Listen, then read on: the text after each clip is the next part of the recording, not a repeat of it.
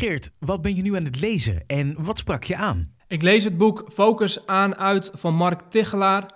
En dit deel gaat over een groot concentratielek dat hij beschrijft, namelijk te veel externe prikkels.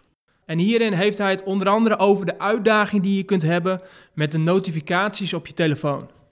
En hierover zegt hij het volgende.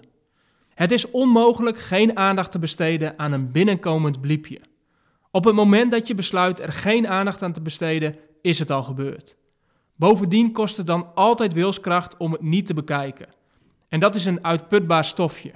Hoe meer wilskracht je inzet niet op je telefoon te kijken bij elk bericht dat binnenkomt, hoe minder je kunt inzetten voor andere dingen. Waarom sprak juist dit jou zo aan? Ja, omdat we allemaal herkennen dat die notificaties op je telefoon een grote boosdoener kunnen zijn voor je focus. Voor mij nu even heel relevant is bijvoorbeeld de app Clubhouse. Je hebt er vast wel van gehoord. Inmiddels is dit enorm aan het ontploffen en, en wordt het steeds bekender. Mocht je het niet kennen, het is een nieuwe social media app, audio only, dus je kunt alleen luisteren. En er vinden allerlei verschillende soorten gesprekken plaats in zogenaamde rooms. En daarin delen mensen hun kennis of inspiratie, of zijn er bijvoorbeeld QA's. En wat ik merk is dat ik in de eerste instantie de notificaties van deze app nog aan had staan. En wat leidde die mij af? Want wat goed is om te weten is dat in deze nieuwe social media app de gesprekken die worden gevoerd niet worden opgenomen. Dus je kunt ze één keer meeluisteren, live, en daarna zijn ze verdwenen. Dus het heeft een heel hoog FOMO-gehalte. Fear of missing out. Want je wil er gewoon bij zijn. Nou, notificaties aanzetten voor Clubhouse is echt een killer voor je focus. Dat kan ik je vertellen. Want op het moment dat een notificatie omhoog popt, ja, dan kom je dus elke keer in tweestrijd of je ergens gaat instappen in een room en gaat meeluisteren, of dat je blijft bij datgene wat je aan het doen was. Nou, ik heb inmiddels die notificaties uitgezet, maar in eerste instantie merkte ik echt de drang, omdat dit een nieuwe app is en omdat ik graag op de hoogte blijf van hoe het zich ontwikkelt en wat erop gebeurt, merkte ik hoe groot de verleiding was om juist hier wel even de notificaties voor aan te zetten. Zodat ik niks hoefde te missen. En hier gaat dat stuk natuurlijk over.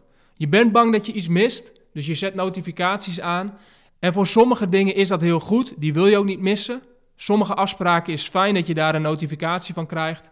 Maar heel veel berichten hoef je niet op dat moment te krijgen. En kun je het beste uitzetten, zodat je jezelf beschermt voor het feit dat je afgeleid bent of heel erg vanuit wilskracht andere keuzes wilt maken. Hoe kan ik hiermee aan de slag? Het boek van Mark Tichelaar bevat veel praktische tips. En één daarvan gaat specifiek over die notificaties. En is wel heel leuk om te delen, omdat die praktisch is en tegelijkertijd uitdagend. De tip van Mark Tichelaar is om de Notification Challenge te doen. En deze gaat als volgt. De komende 7 dagen zet je al je notificaties uit met uitzondering van sms en agendameldingen. Je kunt het vinden via de instellingen en vervolgens onder het kopje berichtgeving kun je daar alle apps zien die je hebt geïnstalleerd. En per app kun je dan vervolgens aangeven of je daardoor onderbroken wil worden. Dus misschien tref je daar, net als mij, de Clubhouse app aan. De kunst is dus om deze voor de komende 7 dagen uit te zetten met uitzondering van die sms en agenda.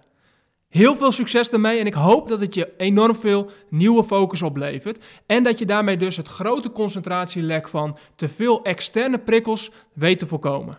Oké, helder. Bedankt voor het delen. Ja, graag gedaan. Jij bedankt voor het luisteren. En als we het dan toch hebben over delen, dan wil ik je nog het volgende vragen. Als deze podcast jou iets van waarde heeft opgeleverd, dan wil ik je vragen om deze podcast te delen met één iemand uit je omgeving waarvan je weet dat hij of zij hier ook iets aan heeft. Dankjewel en tot de volgende keer.